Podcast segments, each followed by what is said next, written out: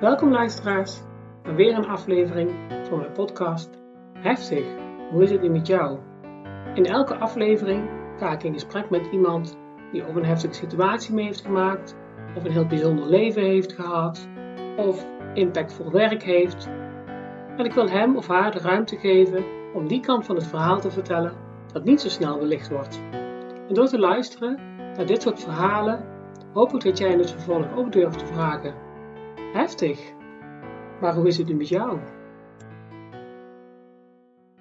Welkom luisteraars bij weer een aflevering van mijn podcast Heftig, hoe is het nu met jou? En ik vind het heel bijzonder om te vertellen dat ik hier aan tafel zit met Johan. Johan heeft in 2014 zijn echtgenoot om het leven gebracht. Poeh, super heftig. Hij heeft daar inmiddels een straf voor uitgezeten. Hij heeft in de TBS-kliniek gezeten. We zijn een aantal jaren verder en ik vraag me af Johan, hoe is het dan met je als je dit achter de rug hebt? Uh, nou ja, uh, er zijn de drie W's. Die worden door uh, ja, justitie gezien als goed voor mensen die in detentie hebben gezeten. Dus dat is werk, een woning en een wederhelft of een relatie.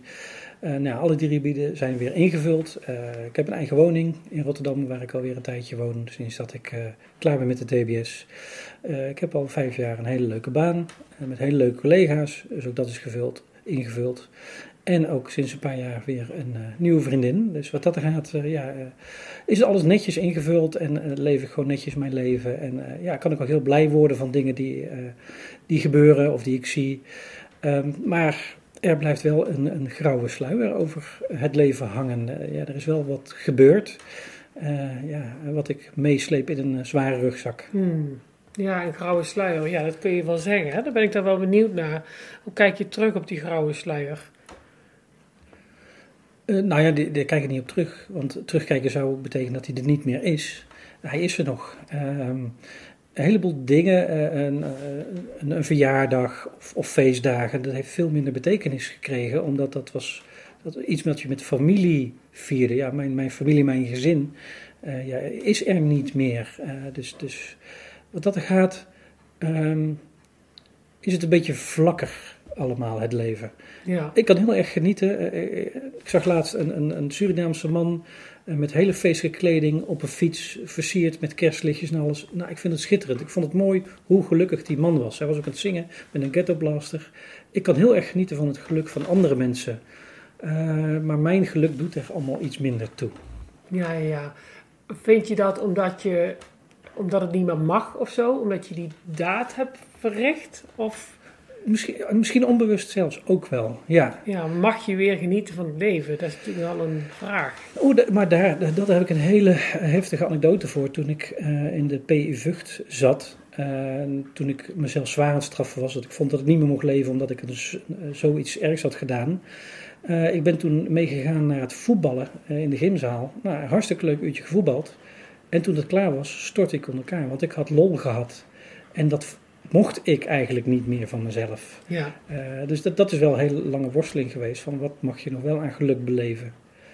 Ja, dus de rechter heeft jou veroordeeld tot een straf, die heb je uitgezeten, maar je eigen gedachten geef je dan zeg maar levenslang. Mag ja, ik nog genieten? Uh, nou, uh, het, het, is zelfs nog anders. Dat, nou ja, na het licht heb ik een jaar in Voorres gezeten in de BE Vught. En daar heb ik heel erg mijn best gedaan om alsnog mijn leven te beëindigen. Maar meer als ik zal wel de rechter zijn die die straf uitvoert, oplegt en uitvoert. Ja, ja. Want ik, ja, als je zo'n zwaar delict hebt begaan, uh, uh, het leven van iemand anders nemen, dan heb je niet meer het recht om ook te leven. Ja. Dus moet je van deze aardbol af. Ja, ja. Jeetje. En je geeft aan dat je weer een fijne baan hebt, dat je een partner hebt. Uh, al die mensen waar je niet mee omgaat, weten die van jouw achtergrond? Uh, of ze het allemaal zijn, durf ik niet te zeggen. Maar uh, de mensen waar ik het nu aan denk, ja, mijn collega's weten het allemaal. omdat het ook een bedrijf is waar ik vroeger als vertegenwoordiger langskwam. En dus die wisten allemaal wat er gebeurd was. Dus toen ik uh, uh, weer werk mocht zoeken, ja, ze hadden aangeboden van kom eens praten. Wisten ze het ook allemaal.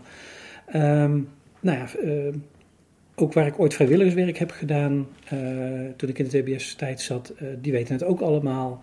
Ja, ik, ik verberg me niet. het is wel, ik laat eerst mensen, als ik ze leer kennen, een paar maanden ga ik gewoon met ze om. En dan op een gegeven moment zeg ik, goh, moet je toch wat vertellen. En dan is toch vaak de reactie van, ja ach, we hebben allemaal wel een zwarte kant. Mm. Je bent een goede gozer en uh, joh, uh, geen probleem. Wat vertel je ze dan? Um, nou ja, ja, ik vind het altijd makkelijk om met de praktische voorbeelden te komen. Uh, nou, met Italis was er een dame die uh, daar bij de receptie zat. Je hebt taalles gegeven? Ik heb taalles gegeven aan, aan inburgeraars als, als vrijwilligerswerk. Uh, dat moest om, om te resocialiseren, zoals het heet. Um, en op een gegeven moment wordt het toch, omdat je een soort collega's bent, goh, waar woon je? Nou, ik, ik woon daar. Oh, oh, leuk. En op een gegeven moment, ja, wat voor huis is het? Nou, een soort groepswoning noemde ik het dan mhm. maar. En op een gegeven moment toch wat meer gezegd van ja, het is een ja, psychiatrische instelling, want het is niet zo goed met me gegaan. Oh ja, maar ik heb ook wel eens problemen gehad, wordt er dan gezegd. En op een gegeven moment werd er, uh, waren er meer lessen in, moesten ingevuld worden. Ik zei, ja, geef mij ze maar. En zei, ja, maar wordt het dan niet te veel voor je? Ik zeg, nou, het wordt nu tijd om te zeggen waar ik echt woon. Ik woon in de TBS-kliniek. En elk uur dat ik les mag geven, hoef ik niet in die kliniek te zitten. Dus ik heb graag veel lessen. En toen werd ik gezegd van, ja, maar we kennen jou een paar maanden en joh, je bent een toffe gast. En ja, uh, het maakt ons niet meer uit. Mm. Uh, achteraf zijn ze wel naartoe gekomen, wat is er dan gebeurd? Uh, want dat, die nieuwsgierigheid wordt dan wel gewekt. Maar het heeft nooit geleid tot mensen die zich van me afkeerden. Ja. Nee. nee. nee. Jeetje, bijzonder. Um, je hebt ook een zoon, hè? Ja. Ja. En um, hoe is je contact daarmee? Eigenlijk kan je zeggen dat er geen contact is. Ja, ja, ja. Kan ik me ook voorstellen als je vertelt dat het gaat over de ja, de dood van zijn moeder. Nou daar moeten we straks nog verder op ingaan hoe en waarom dat gebeurd is. Uh, maar ik heb dus mijn vrouw aangevallen, uh, en maar ook mijn zoon aangevallen. En gelukkig is dat heel erg mislukt naar mijn zoon toe. maar dus ja, ik kan begrijpen dat het contact er niet is. Ja. Vertel eens, wie is Johan? Of hoe is Johan opgegroeid? Wat heeft gemaakt dat dit is kunnen gebeuren? Uh, nou ja, eigenlijk uh, ben ik heel normaal opgegroeid en is er geen enkele aanleiding in mijn jeugd of, of tot mijn veertigste jaar dat er zoiets heftigs zou geen gebeuren. Geen slechte jeugd gehad, geen kwaaie ouders, geen... geen... Nee, je zijn heel liefdevolle ouders, uh, nou ja, ook altijd vriendjes, nooit gepest, gewoon mijn school gedaan, niet gespijbeld, nooit blijven zitten. nooit met politie naar aangekomen, ja, verkeersboete of parkeerboete, maar verder ook niet. Dus ja, en, en juist uh, proberen heel braaf te zijn en, en uh, ja, uh, andere mensen geen pijn willen doen. Hmm. ja, behandel andere mensen zoals je ook zelf behandeld wil worden. Ehm, ja, en, en op mijn vijftiende, zestiende ja, heb ik mijn latere vrouw leren kennen. Ze waren jeugdliefdes. Dus we hebben, ja, zijn samen verder doorgeroeid in het leven. eerste vakanties samen. Ehm, ja, samenwonen, auto kopen, uh, huis kopen, trouwen, kind krijgen. Ja, dat hebben we allemaal samen gedaan en beleefd. Um, en ja, ik had eigenlijk vooral één doel in het leven. En dat was um, ja, een, een goede vader en een goede echtgenoot zijn. En dat, dat had ik het idee dat dat aardig lukte. Mm -hmm. uh, alleen ergens kwam er één kink in de kabel. En dat was uh, een ontslag wat mij aangezegd werd in 2013. Uh, dat was gewoon een reorganisatie, waardoor uh, ja, een hele afdeling uh, opgeheven werd. En ja, ik kwam op straat te staan. En ja, ik wilde de perfecte echtgenoot en de perfecte vader zijn, want dat zat wel in mijn perfectionisme. ja, en door mijn ontslag kreeg ik het idee in mijn hoofd, ja, ik ben dus geen goede vader en geen goede echtgenoot meer. Ja, dat, dat dat werd diep geworteld iets in jouw hoofd. Ja, ja ik kreeg een soort uh, donkere gedachte. Het komt nooit meer goed. Uh, ik krijg nooit meer werk. Dus kan ik mijn gezin niet onderhouden. dat was toen ook ja, wel de crisis. dus ik heb sollicitaties gehad en gelobbyd hier en daar voor werk. Maar ik werd overal afgewezen. Dus dat sterkte mij in mijn gedachte. Het komt nooit meer goed. dus als mijn zoon ooit nieuwe voetbalschoenen moet hebben, kan ik ze straks niet betalen. En ja, dat werd een soort mantra. Ik kan die voetbalschoenen straks niet meer betalen. Mhm. En uh, ja, uit die, die, die donkere spiraal naar beneden ben ik helaas niet meer uitgekomen. en ja, die spiraal naar beneden heeft ook geleid tot een depressie. ja, en een depressie heeft de nare neiging tot suïcidale gedachten. En dat is ook bij mij zo gekomen. Dus ik heb een zelfmoordpoging gedaan die mislukt is. dat heb ik opgebiecht aan mijn vrouw. En zo zijn we bij de GGZ terechtgekomen. Um, nou ja, uh, zacht gezegd, die behandeling is niet aangeslagen. Ik heb mij niet gehoord gevoeld bij uh, de GGZ. Eh, ik heb ook een keer duidelijk aangegeven dat ik zo in de war was dat ik niet wist wat ik mezelf aan zou doen of mijn vrouw en kind aan zou doen. En daar hebben zij niet op ingegrepen en hebben ze me gewoon naar huis laten gaan. En dat was wel een vertrouwensbreuk. Um, ik wilde eigenlijk een andere zorgverlener, maar ja, de, de huisarts zei dat het dit niet was. Dus toch weer teruggegaan naar de GGZ. Uh, eh, daar zijn uh, antidepressieven voorgeschreven, die ben ik ook gaan slikken. Uh, alleen het probleem met antidepressiva is, die werken niet meteen. Die gaan eerst je situatie eigenlijk meestal verslechteren. als je suicidale gevoelens hebt, worden ze juist wat heftiger. Mm En nog heel veel andere bijwerkingen die ik allemaal had. maar inderdaad, mijn suicidaliteit werd weer, suicidaliteit werd weer aangewakkerd. Uh, en kwam ik weer in de gedachte uh, dat ik uit het leven wilde stappen. En uh, met medicatie heb ik weer een poging gedaan, een overdosis gedaan. En ehm, dat gaf mij zo'n rust van, eh, ja, een, een, depressie is zo lijden, zo, zoveel pijn hebben. Dat, ja, als je het niet, nooit hebt meegemaakt, kan je dat niet voorstellen. maar daar wil je, je wil niet dood, maar je wil die pijn weg hebben. En de dood is het middel om, om die pijn te verlichten. Uh, dus ik heb uh, die poging gedaan. Nou, daar is mijn vrouw achter gekomen. Uh, en natuurlijk wilde zij de ambulance gaan bellen. Een poging met, medic met, medicijnen? Ik heb een poging gedaan met medicijnen, ja. een overdosis. Um, en zij is erachter gekomen en zij wilde de ambulance gaan bellen. En dat heeft een, een ontploffing, noem ik het, in mijn hoofd teweeg gebracht. Want um, ja, mensen kunnen zich denk ik heel goed voorstellen als ze aangevallen worden dat je je gaat verdedigen uit mm doodsangst. Mm Ik had geen doodsangst, ik had levensangst. Uh, ik, ik kon de gedachte niet meer verdragen om door te leven met de pijn van de depressie. Dus uh, het slikken van die medicatie gaf zo'n rust van mijn pijn mag over zijn, mag verlost worden. Uh, ik ga dood, maar dat is, is een goed ding. Dat is, is mijn redding eigenlijk. Ik kan die pijn niet meer aan. Uh, maar wat zij dus deed, is mij eigenlijk terug die pijn insturen. En, en, ja. Wat deed ze dan? Zij zei, ik ga de ambulance bellen. Oh ja, en, zo, en dat, dat, beschouwde je als terug die pijn in? Terug die pijn in. Ja, uh, ik heb het in mijn boek beschreven als uh, een depressie. Een andere auteur heeft ooit gezegd, een depressie voelt als het verblijven in een brandende ruimte. nou, we kennen 9-11, mensen springen liever uit een heel hoog flatgebouw dan dat ze gaan verbranden. Ja. Um, door mijn medicatie te slikken ben ik eigenlijk gesprongen uit, uit de, de Twin Tower en kon mijn pijn verlicht worden. Um, het zinnetje van ik moet een ambulance bellen, want jouw maag moet leeggepompt worden, oh. klonk voor mij, ga jij die brand eens terug in. Ja, ja, ja, en dat was onver, onverdraagbaar, on, onbestaanbaar dat dat moest. Ik kon die pijn niet meer aan. Dus ik moest mijzelf eigenlijk gaan redden tegen die pijn. En daardoor heb ik haar aangevallen. En ik noem het een, een kortdurende psychose, waardoor ik haar uh, heel veel geweld heb aangedaan. Uh, en en uh, ja, later heb ik, toen ik in het ziekenhuis lag, dus gehoord dat zij aan die vonding overleden is. Jeetje. En um, na de aanval op haar heb ik ook mijn zoon aangevallen. Met de gedachte van ja, hij, hij kan niet voort zonder ouders. gelukkig is die aanval uh, heel erg mislukt. Maar er was een geluid waardoor die mislukte aanval optrad, waardoor ik uit mijn kortdurende psychose kwam en ik meteen wist wat ik gedaan had en ook meteen schuldbewust en, en ik heb ook meteen zelf de telefoon gepakt en 112 gebeld en gezegd van ik heb mijn vrouw aangevallen en er moet nu een ambulance komen. Dus toen ik ook de sirenes hoorde, ben ik ook meteen in de tuin gaan staan met mijn handen omhoog van jullie moeten mij hebben, maar er moet nu een ambulance door. Wat gebeurde er toen in je hoofd, toen dat dan, dat je weer bij dat bewustzijn kwam of zo? Wat je had gedaan? Ja, dat je verpletterend, uh, uh, want uh, nou ja, ik wilde nooit iemand kwaad doen en nu had ik juist het kwaadste wat je iemand aan kan doen gedaan.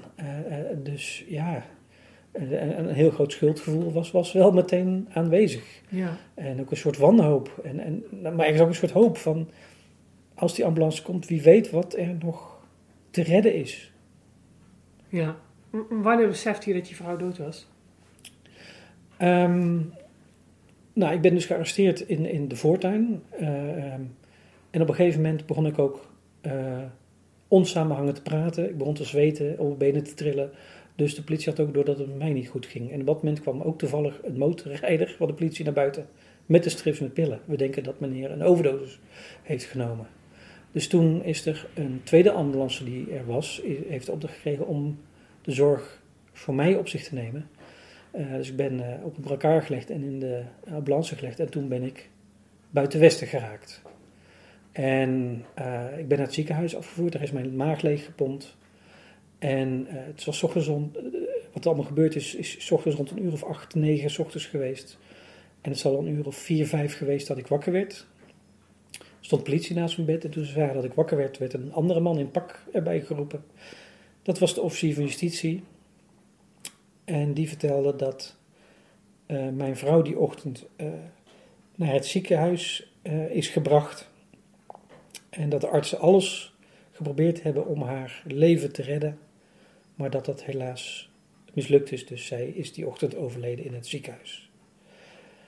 En toen werd hij heel zakelijk. En eh, daarom eh, wordt u op dit moment in staat van beschuldiging gesteld van moord, CQ doodslag op uw vrouw. En poging tot moord, poging tot doodslag eh, of zware mishandeling op uw zoon. En wat gebeurt er dan dat je dat hoort? Eh, ja, dat is verpletterend. Eh, wetende wat je haar hebt aangedaan, wat je, ik mijn zoon heb aangedaan, maar ook wat je dan haar, ja, onze families hebt aangedaan. Maar vrienden, kennissen, buren. Dus dat schuldgevoel was meteen wel heel heftig aanwezig. Hmm. Maar ook, ook de pijn dat zij er niet meer is. En die metafoor van dat brandende, die brandende toren, zeg maar. Ja. Uiteindelijk eh, is je maag leeg gepompt. Daarvan zei je eerder ehm, het gevoel dat ik weer die brandende toren in moet. Hielp je dat gevoel? Of, of was je Ja. daar juist ineens uit? Doordat Dat het was dan zo koud... was ineens voorbij. Eh, omdat, eh, ja, eh, tijdens TBS wordt alles nageplozen. En waardoor ik in de depressie ben gekomen, is vooral de angst om te falen. Het, ja, ik wilde perf- perfect zijn, ik wilde alles perfect doen. Dus eh, om te falen als vader, om te falen als echtgenoot. Hoe kan het dan dat, het, dat, dat dat bij jou zo diep is gegaan? Eh, nou ja, ehm, één, om het perfectionisme. Ik wil alles wat ik doe, wilde ik perfect doen. Eh, maar ook, ja, dat is later vastgesteld dat ik een obsessief-compulsieve stoornis heb. En dat is dus heel erg van regelmaat houden, maar ook met onverwachte gebeurtenissen of tegenslagen wat minder goed om kunnen gaan. Nou ja, dat zijn dus wel aanleidingen waardoor je kunt zeggen van, nou, die hebben geleid tot die depressie. Hmm. Maar op het moment dat ik dus eh, ja, te horen kreeg wat er allemaal gebeurd was, was er geen angst meer om te falen. Want ik was zo gigantisch faald, ik, kan, ik kon nooit meer erger falen. Dus eh, die depressie was weg. En wat er voor in de plaats kwam, was een, een wens om te sterven, omdat ik het recht niet meer had om te leven Mhm. omdat ik zo'n gruwelijke daad had begaan. Als je het heftigste delict begaat wat je je kan voorstellen, nou, dan moet je ook van deze aardbol afgeveegd worden. En dat zou ik zelf wel gaan doen, want ik heb ook meerdere pogingen nog gedaan in het jaar dat ik in Vught heb gezeten tijdens het voorarrest. Eh, ik ben ook eh, in honger- en doorstaking geweest, naar het ziekenhuis afgevoerd, dwangvoeding gekregen.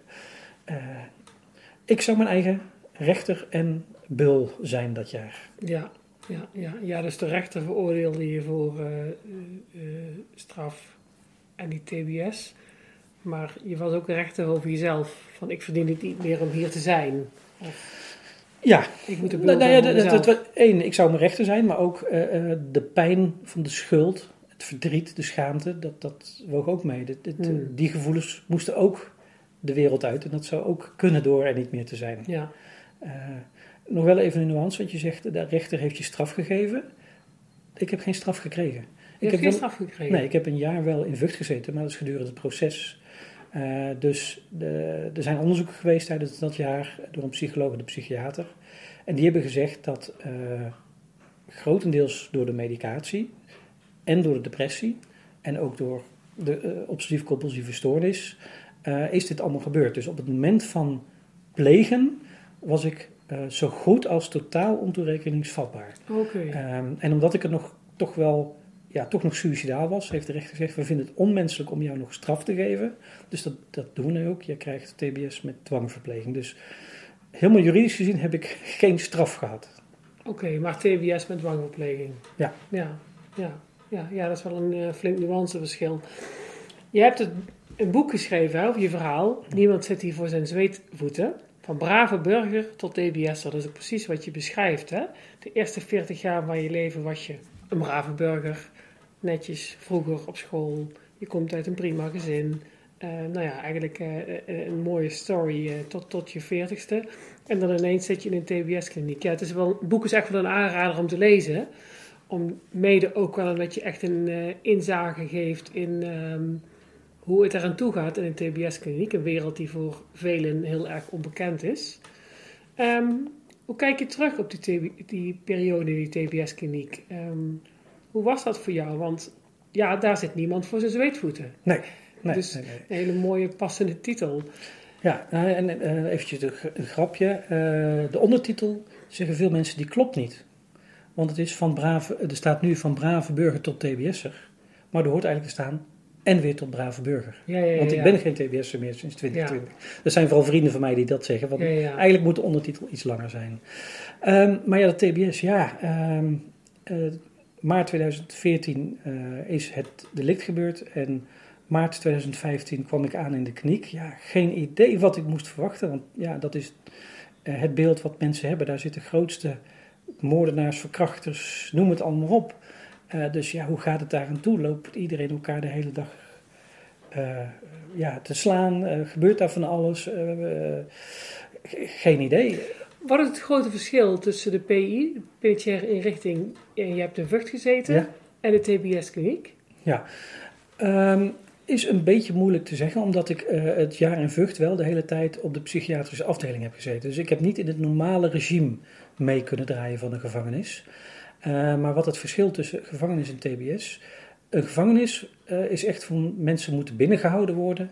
En eh, op zo'n manier dat ze niet te veel problemen geven. en na een, een tijd laten ze er weer uit. Dus er worden wel allerlei dingen gedaan. maar dat is puur om, om de rust te bewaren op de afdelingen. Maar in de TBS-kliniek, dat moet je toch echt meer zien als een klein dorp. Wat ook eh, normaal functioneert. Dus ja, eh, eh, er wordt samen gekookt, er wordt samen gegeten op de afdelingen met de patiënten. Je hebt gewoon een blokkenrooster, wat je als een soort werk kan zien. Nou, maar het grote voordeel van de TBS-kliniek is het bezoek wat er mag komen.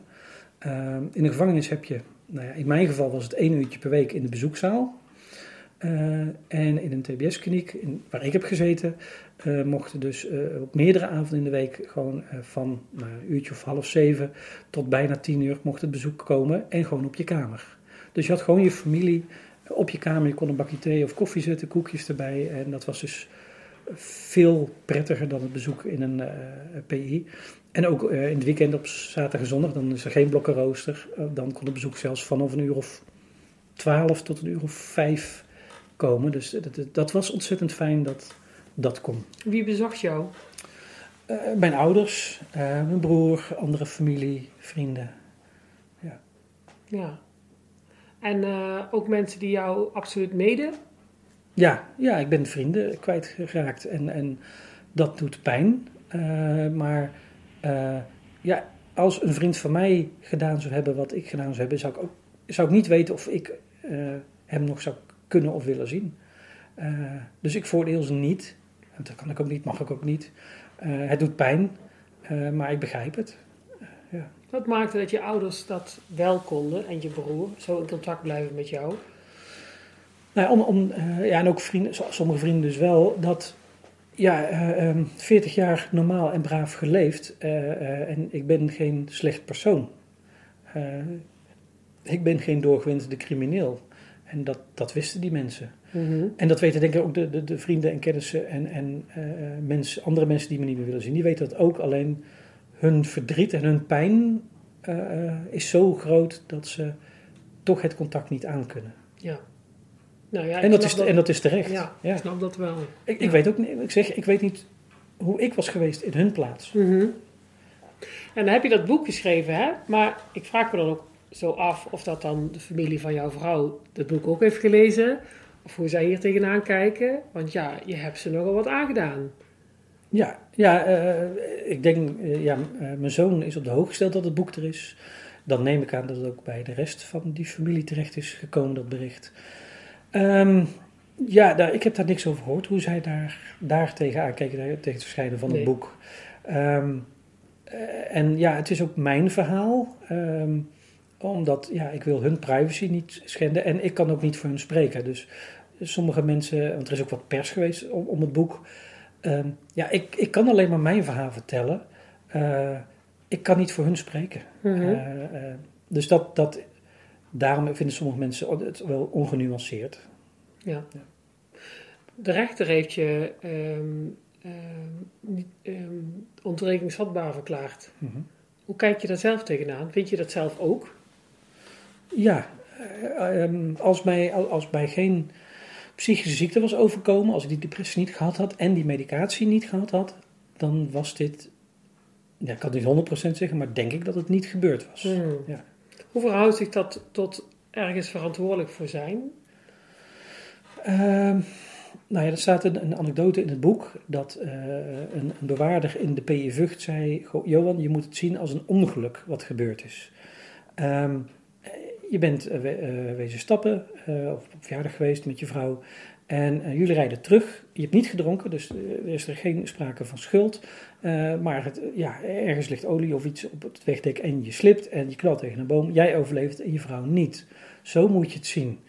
En ik zeg, ja, dat is mij te kort door de bocht. En dan stak ik mijn handen op en het zijn wel deze handen die het gedaan hebben. Dus ja, kijk, ja, op, op, op het moment van het delict zelf denk ik dat ik niks meer anders had kunnen doen. Eh, maar ik denk dat eh, voor mijn eerste suïcide had ik al aan de bel moeten trekken. Eh, Ja. Daar had ik het kunnen voorkomen. Maar later was het aan de professionals om het te voorkomen. Ik, ik kon het niet meer. Nee, ik vraag me af of er dan een boodschap in zit aan mensen die luisteren. En die misschien ook wel depressieve gevoelens hebben. Wat zou dan je boodschap zijn? Ehm, de boodschap is, is je uit, eh, uit jezelf. Eh, bespreek het. Eh, ehm, en zoek professionele hulp. Ehm, hoe eerder je erbij bent, denk ik, hoe eerder het, het helpt. Dus ja, ik, ik ben daar gewoon... Één, ik was ook een binnenvetter. Dat één, want nou ja, ik had de eerste poging gedaan en iedereen wist dat het niet zo lekker met me ging. Maar dat het zo erg was, dat, dat was voor iedereen totaal onverwacht. Dus... Hmm. Maar dat is misschien ook een beetje mannen eigen dat ze zich niet zo uiten.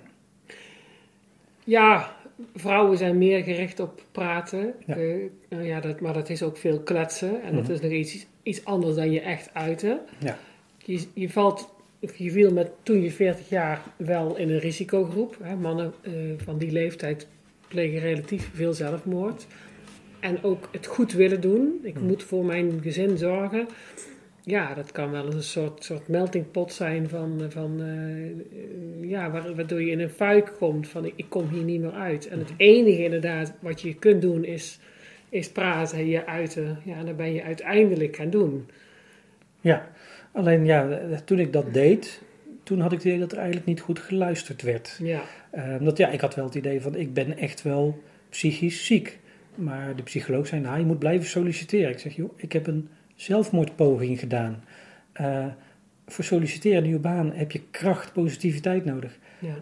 Dat heb ik allemaal niet. Hoe kan je van mij verlangen dat?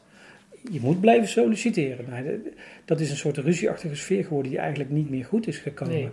Eh, dus de- ja. eh, en ook de, de GGZ had zoiets van: ja, je hebt 40 jaar eh, normaal geleefd. Je kan niet zo snel in elkaar donderen. Dat zeggen de boekjes. Ja, maar de boekjes kloppen dus niet altijd. Dus dat is.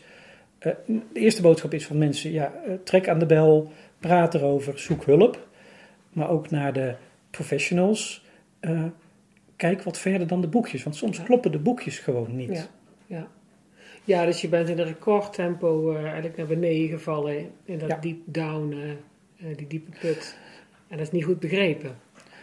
Ehm, ja en nee. Ik, ik denk dat ik al eerder in onbalans was, omdat ik dus de perfecte vader wilde zijn. Nou, ik had een fulltime baan, ik deed veel in het huishouden, ik deed vaak de boodschap, ik kookte vaak, ik was trainer. Dus ik had ontzettend veel hooi om me voor om maar die perfecte vader te zijn. Dus misschien was dat ook al eh, iets te veel hooi op mijn Mhm. vork. Eh, dat, dat is allemaal, in de TBS ga je er allemaal over nadenken, ga je erover praten, ga je het allemaal analyseren. Eh, dus het- er zijn veel factoren die hebben meegespeeld. Eh, Ja. dus, en op elke factor had misschien iets gedaan kunnen worden waardoor het niet gebeurd had. Ja. Tegen, Zowel aan mijn kant als aan de professional kant. ja, tegen ouders zeg ik vaak, eh, eh, goed genoeg is goed genoeg. Als je een goed genoeg ouder bent, ben je een hele goede ouder. Hm. Het is, onderschrijf je eigenlijk ook daardoor het, door het heel erg perfect te doen. Ja, Ja, is het juist misschien wel misgegaan. ja, Ja, ja. Nou, en dat is iets wat ik geleerd heb. Dat, dat eh, eh, nou, ik, ik ben niet perfect. Ik kan niet, ik, ik kan niet alles perfect doen. Ik wil het graag perfect doen. Ik wil het graag goed doen. Eh, maar ik, ik heb geleerd in de kliniek om te zeggen: ik heb er alles aan gedaan om het goed of perfect, perfect Mhm. te laten zijn. Maar het is niet gelukt. Mhm. En dat mag tegenwoordig. ja. Dat mocht vroeger niet. Ja dat maak je van jezelf tegenwoordig. Ja, nou, ik, ik noem een voorbeeld. Eh, mijn, mijn broer is, heeft kunstacademie gedaan, is kunstenaar. Dus die kon de mooiste dingen maken. Dus, eh, en ik, ik, ik ben helemaal niet handig met mijn handen. eh, dus ik had vroeger al een, een ontzettende hekel aan handarbeid. Maar ja, in, in de kliniek moet je blokken gaan volgen. En je mag zelf kiezen welke blokken je gaat volgen voor een groot deel. Dus ik heb expres ook crea gekozen, dus handenarbeid. Om mezelf uit te dagen, eh, om toch iets te moeten doen. Waarvan ik weet dat het niet perfect gaat zijn, want ik, ik kan dat niet. Eh, maar laat het maar niet perfect zijn. En, Ja. en zo heb ik mezelf daar uitgedaagd. En het was niet eens slecht wat ik maakte Ja. uiteindelijk. En Ja. Het was niet perfect, maar het was goed genoeg. Ja, Eh, dus zo heb ik het was geen officiële therapie, maar ik heb dat wel tot eigen therapie gemaakt. ja, dus goed genoeg werd ook voor jou goed genoeg. Dat is wat ik kan. Ja, en, en eh, eh, iedereen kan fouten maken. Ja. Eh, dus ook ik kan fouten maken. En, Ja, en wat is goed hè, en wat is een fout hè? ja, nou ja, kijk, ehm, ik kan geen gro- grotere fout maken dan, dan ik op de dag van het delict heb gedaan. Ja, ja. Ja, die is wel heel fataal hè? Ja. Ja. Ja. Hoe was het leven in de TBS-kliniek voor jou? Eh, nou ja, niemand wil TBS-patiënt zijn in zo'n kliniek, want eh, je wordt heel erg beperkt. Eh, het voelde af en toe als je af en toe als klein kind behandeld werd. Dus dan wil je ook af en toe een beetje rebelleren zelfs. Ga je een beetje nou ja, tegen het systeem schoppen, om het zo maar te zeggen. Ehm, dus ja, dat, dat voelt niet fijn. Eh, maar eh, als ik nu terugdenk, eh, denk ik toch ook aan eh, ja, de, vooral de goede momenten die er geweest zijn. De mensen die zich keihard hebben ingezet om mij weer terug die samenleving in te brengen. Die af en toe ook een, stapje extra hebben gedaan, wat hun functie te boven ging. Sommigen hebben echt eh, één op één gesprekken met me gehad eh, en dingen over hun privéleven gezegd om mij eh, ja, te, te spiegelen van hoe het ook kan. Dus daar ben ik ze heel erg dankbaar voor. En ja, je zit met de, grootste misdadigers van Nederland, maar je, leest met elkaar heel intensief. Ja, je zit s'nachts opgesloten, maar de rest van de dag ja, zit je met elkaar. Uh, ochtends uh, na het uitsluiten moet je met elkaar aan tafel zitten. Allemaal uh, groepsgesprek. Dan ga je werken. Bij de lunch kom je weer terug. Je moet samen de maaltijd bereiden. samen eten. Weer een dagsluiting waar je weer het een moet vertellen. Je hebt groepstherapieën met elkaar. En s'avonds zit je ook vaak gewoon gezellig tv te kijken. Op een voetbalwedstrijd was hartstikke gezellig. Of mensen erg je niet. Dus ondanks dat we allemaal heel ernstige misdadigers waren. Ja, was er ook wel een groepsgevoel. En denk ik toch ook wel met, met heel veel warme gedachten terug aan, aan mooie dingen die ik daar beleefd heb. Dus ja, ik, dat is dan wel een eigenschap van me dat als ik terugkijk op dingen, zie ik vaak meer het positieve dan het negatieve. In het moment kan ik nogal negatief Mm. zijn, maar terugkijkend zie ik vooral, vooral het positieve. bijzonder. Ja, Dat je dat lukt. Ja. ja Wist je dan van elkaar ook waar je voor zat? meeste wel, ja. Uh, want je hebt dus die groepstherapieën, dan moet ook vaak uh, ja, mensen hun de, moeten hun delictpresentatie doen. Dus moeten ze vertellen wat er gebeurd is, wat de aanloop is. En ja, dat, ook zij hebben eerst met een psycholoog alles uitgeplozen. Dus dat moeten ze ook allemaal presenteren in de groep. maar sommige mensen proberen zich toch te verstoppen. want ja, zo is er ook een man met wie ik vaak kookte. En had ik hele goede omgang mee. En ik had ook af en toe medelijden, want die zat al heel lang binnen. Maar ik kreeg bij hem niet de vinger achter waarom die gedaan had wat hij gedaan had. Bij heel veel jongens snapte ik het, uh, maar bij hem niet. Dus ja, dat hij niet buiten komt nog, dat snap ik nog steeds. Want de maatschappij moet wel beschermd worden. Ja. Maar je snapte hem niet? Ik snapte niet. Kijk, heel veel jongens die, die vertellen uh, wat er allemaal gebeurd is en wat de aanloop is. En ook uh, wat er in hun vroege jeugd gebeurd is, waardoor ze tot dat lik zijn gekomen. En dan snap je het. En als je iets snapt, kan je het ook gaan voorkomen. Kan je mm -hmm. met elkaar gaan werken. Uh, van ja, maar als dit dus gebeurt, moet je niet meer zo handelen, maar zo handelen. En bij die, bij die man kreeg ik daar niet de vinger achter. En uh, ja, die man zit dus al jaren binnen en die zal nog jaren binnen zitten als hij ooit al buiten komt. En ja. dat begrijp ik. Uh, want als je iets. Want hij snapt het zelf niet waarom het gebeurd is. De behandelaar snapt niet waarom het gebeurd is. En als niemand dat snapt, kan je dus ook niet, niet aan werken om het weer te voorkomen. Ja, dus hij zit nog steeds binnen. Ja. Ja. En nou ja, dat is ook, uh, in TBS kan levenslang zijn. Mm -hmm. uh, het heet dan de long stay. Als, als uh, sommige jongens twee of drie knieken gehad hebben en zeggen allemaal wij kunnen niet verder met deze man. Dan gaat iemand naar de long stay en kan daar uiteindelijk overlijden. Ja, ja. weet je. Je hoort wel eens dat in een, in een gevangenis of in een TBS-kliniek er een ranking is in soorten delicten die je hebt gepleegd. En dat het dan vaak bijvoorbeeld de zedendelicten of de delicten met kinderen echt uh, helemaal onderaan in de pikorde staan. Heb je dat zo ervaren of is ja. dat helemaal een fabeltje? Oh, dat is zeker zo. Uh, ik heb het in mijn boek geschreven als een apenrots. Uh, nou, boven, ja, de apenrots zitten de, de apen met de, de, rode billen en de, de, de, degene met de grootste rode billen zit bovenaan. Nou, dat zijn de mannen die vooral geweld gepleegd hebben, overvallen. dus eigenlijk de doorgewinterde crimineel. Nou, dan heeft hij een soort hulpjes, die zitten daar iets onder. En dat zijn de wat kleinere, gewone criminelen, om het zo maar te zeggen.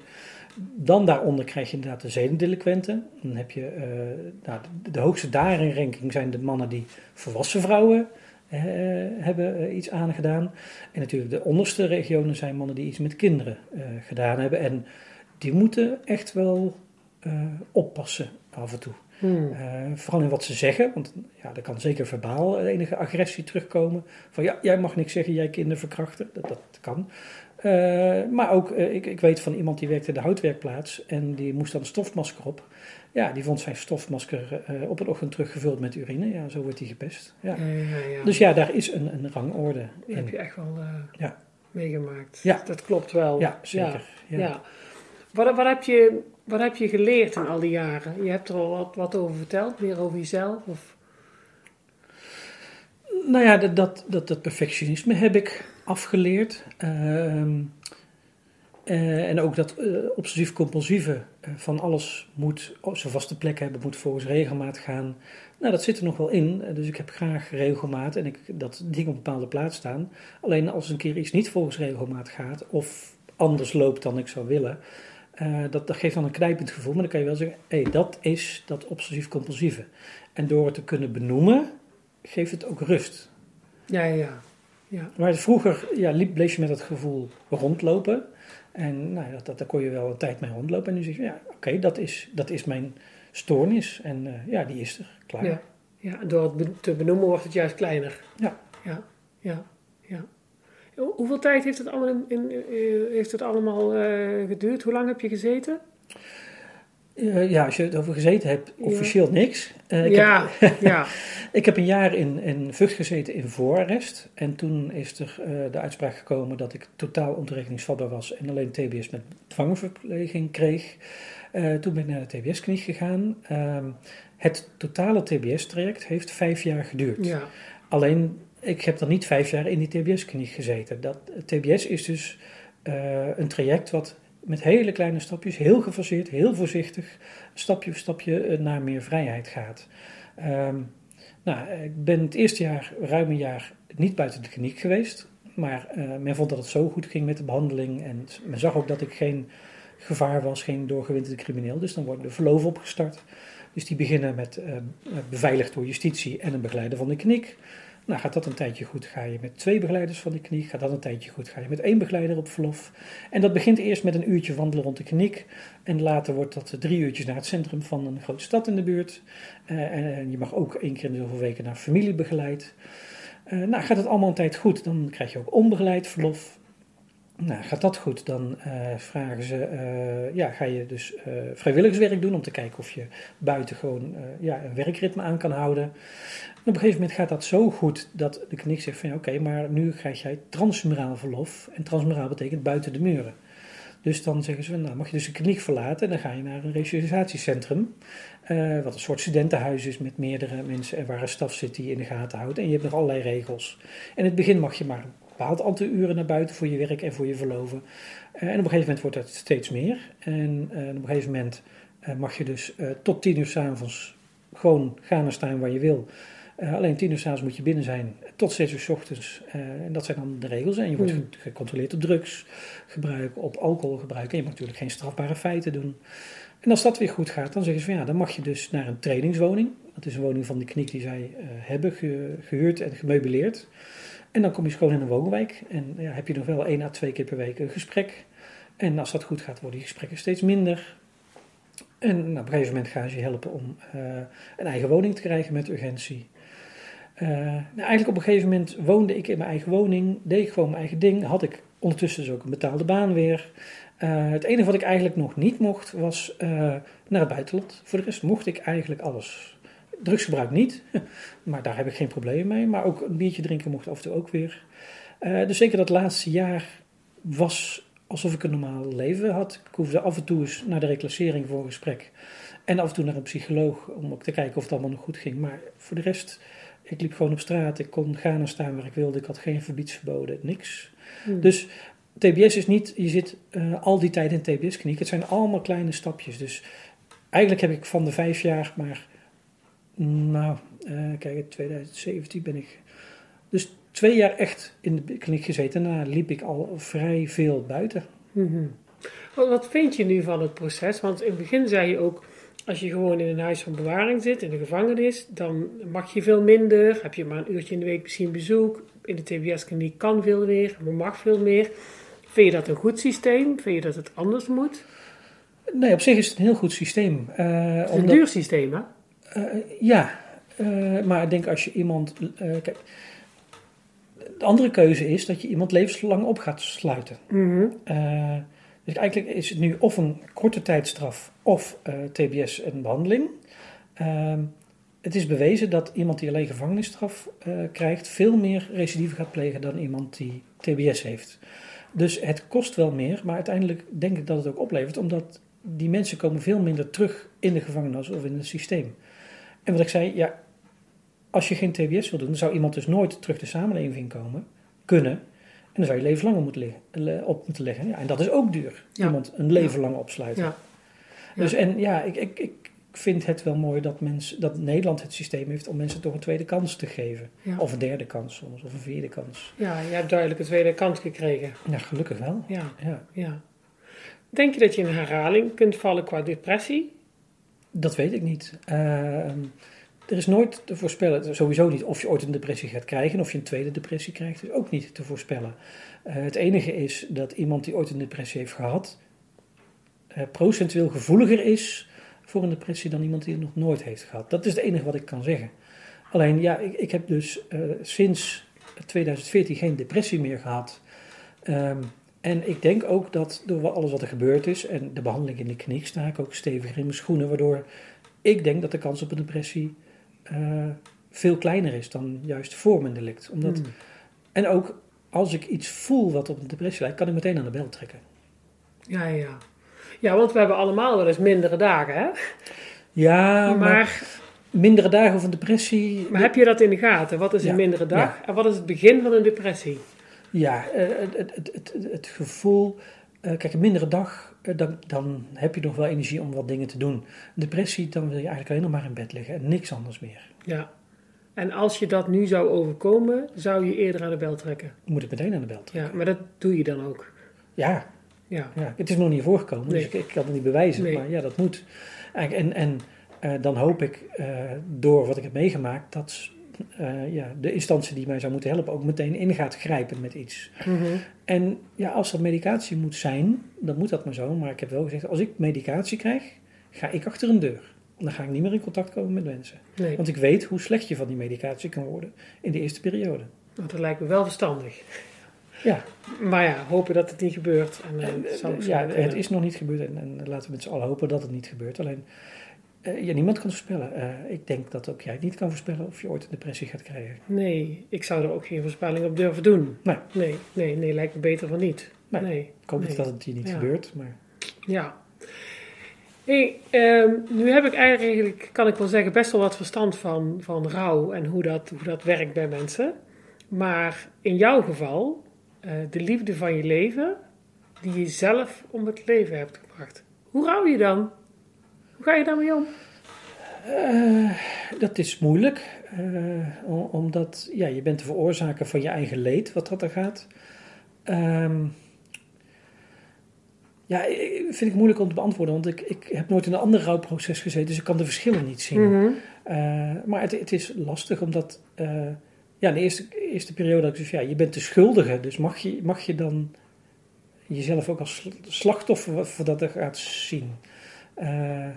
Nou, veel mensen zullen het nog steeds zeggen van niet, ook als ze dit horen, deze podcast. Eh, maar op een gegeven moment heb, heb, heb, eh, ja, heb ik dat wel zo gekund. Eh, daar is wel therapie in de PJ Vughta voor geweest, omdat ik kon mij niet meer loszien van mijn delict. Mhm. Ik heb een ontzettend slecht delict begaan, dus ik ben een slecht mens.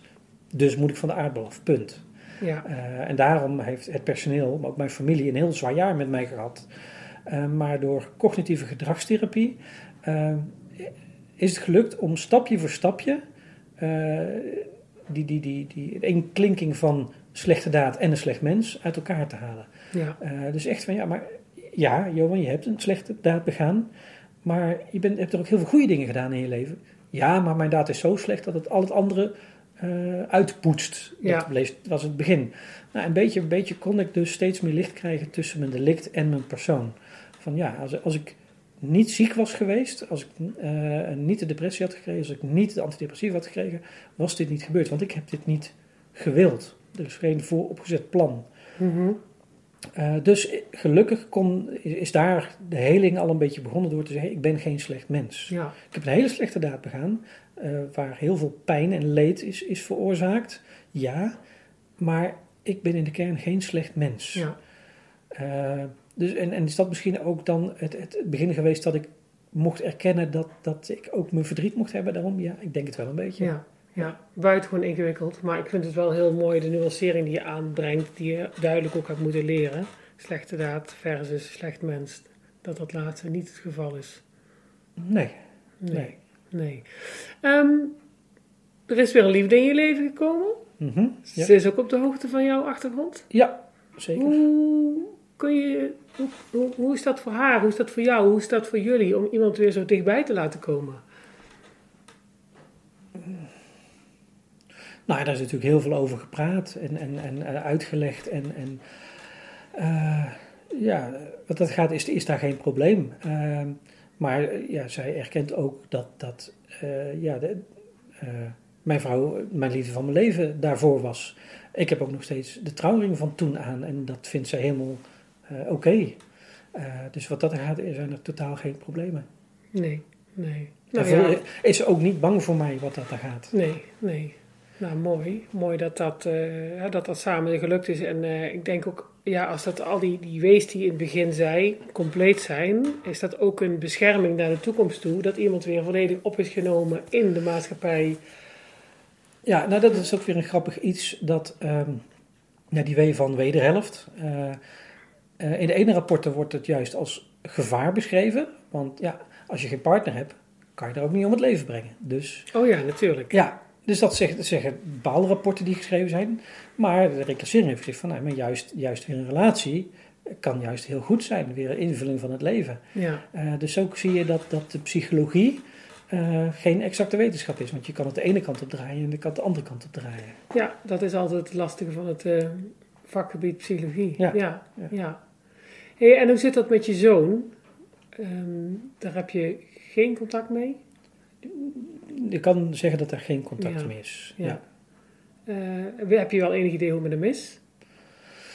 Ehm, ja, ik ga daar niet te veel over zeggen, omdat ja, eh, mijn boek en deze podcast en de interviews die ik geef is mijn verhaal. Ehm, als hij ooit zijn verhaal wil doen, moet hij dat doen, maar dat is niet aan mij. Nee. Het is niet aan mij te vertellen over hem, of over de familie, of, of over vrienden en kennissen die allemaal pijn hebben. Eh, ja, dat mag ik niet. Nee, nee, nee, snap ik ook. Nee, is ook buitengewoon ingewikkeld, want je wil ze ook erkennen in die pijn. En je wil eh, duidelijk niet eh, met hun eh, mond spreken, zeg maar. Nee, nee, kijk, en dat is ook het moeilijke, want ik heb 25 jaar ook met, met die familie samengeleefd. In, Ja. in, eh, in lief en leed. Eh, dus ja, ik, had ze, ik heb ze nooit die pijn aan willen doen. Ja. Eh, maar het is wel gebeurd, helaas. En Ja. dat is lastig. Hoe kijk je naar de toekomst? Hoe kijk ik naar de toekomst? Ja, ik leef voor mijn leven, maar ik, ik verwacht geen grote, mooie dingen meer voor mij. Dat, daar is die sluier ja, te veel aanwezig. Ja, Ik kan van kleine dingen genieten. eh, maar ja, ook heel veel dingen hebben hun waarde verloren. Eh, Ja. ja. Ja het bijzonder wat je zegt. Hè? Die sluier die neem, je, die neem je waarschijnlijk de rest van je leven mee. ja. Maar ik gun het je wel dat je van de kleine dingen kunt genieten. Hmm. En ehm, dat er ondanks alles er gewoon weer hele mooie dingen op je pad komen. Ook omdat het ook een bescherming is.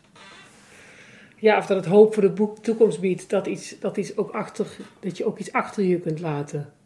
Nou, ik denk dat dit te groot is om helemaal achter je te kunnen Ja. laten. Ja, Eh, nee, dat, en dat zou, ik denk, als dat, ja, dat zou mijn schuldgevoel juist weer oprekken. Als, als je het helemaal achterlaat, dan mag niet, daar is te groot voor. nee, dus de grijze sluier die blijft. Die moet blijven, een beetje. Die moet ook blijven. Een beetje wel, Ja. ja. Ja, ja. Ja, nou dan ehm, wens ik jou, ondanks dat, toch eh, ja, alle goeds voor de toekomst. En eh, ik hoop ook ooit dat er weer ruimte komt om in contact te komen met je zoon. Of ja, dat, die, dat hij eraan toe is.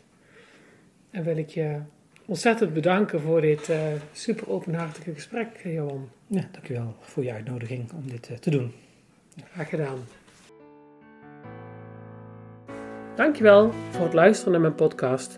Ik vind het super leuk om te horen wat jullie ervan hebben gevonden. Dus dan mag je me altijd een appje of een mailtje over sturen. Dankjewel en tot de volgende keer.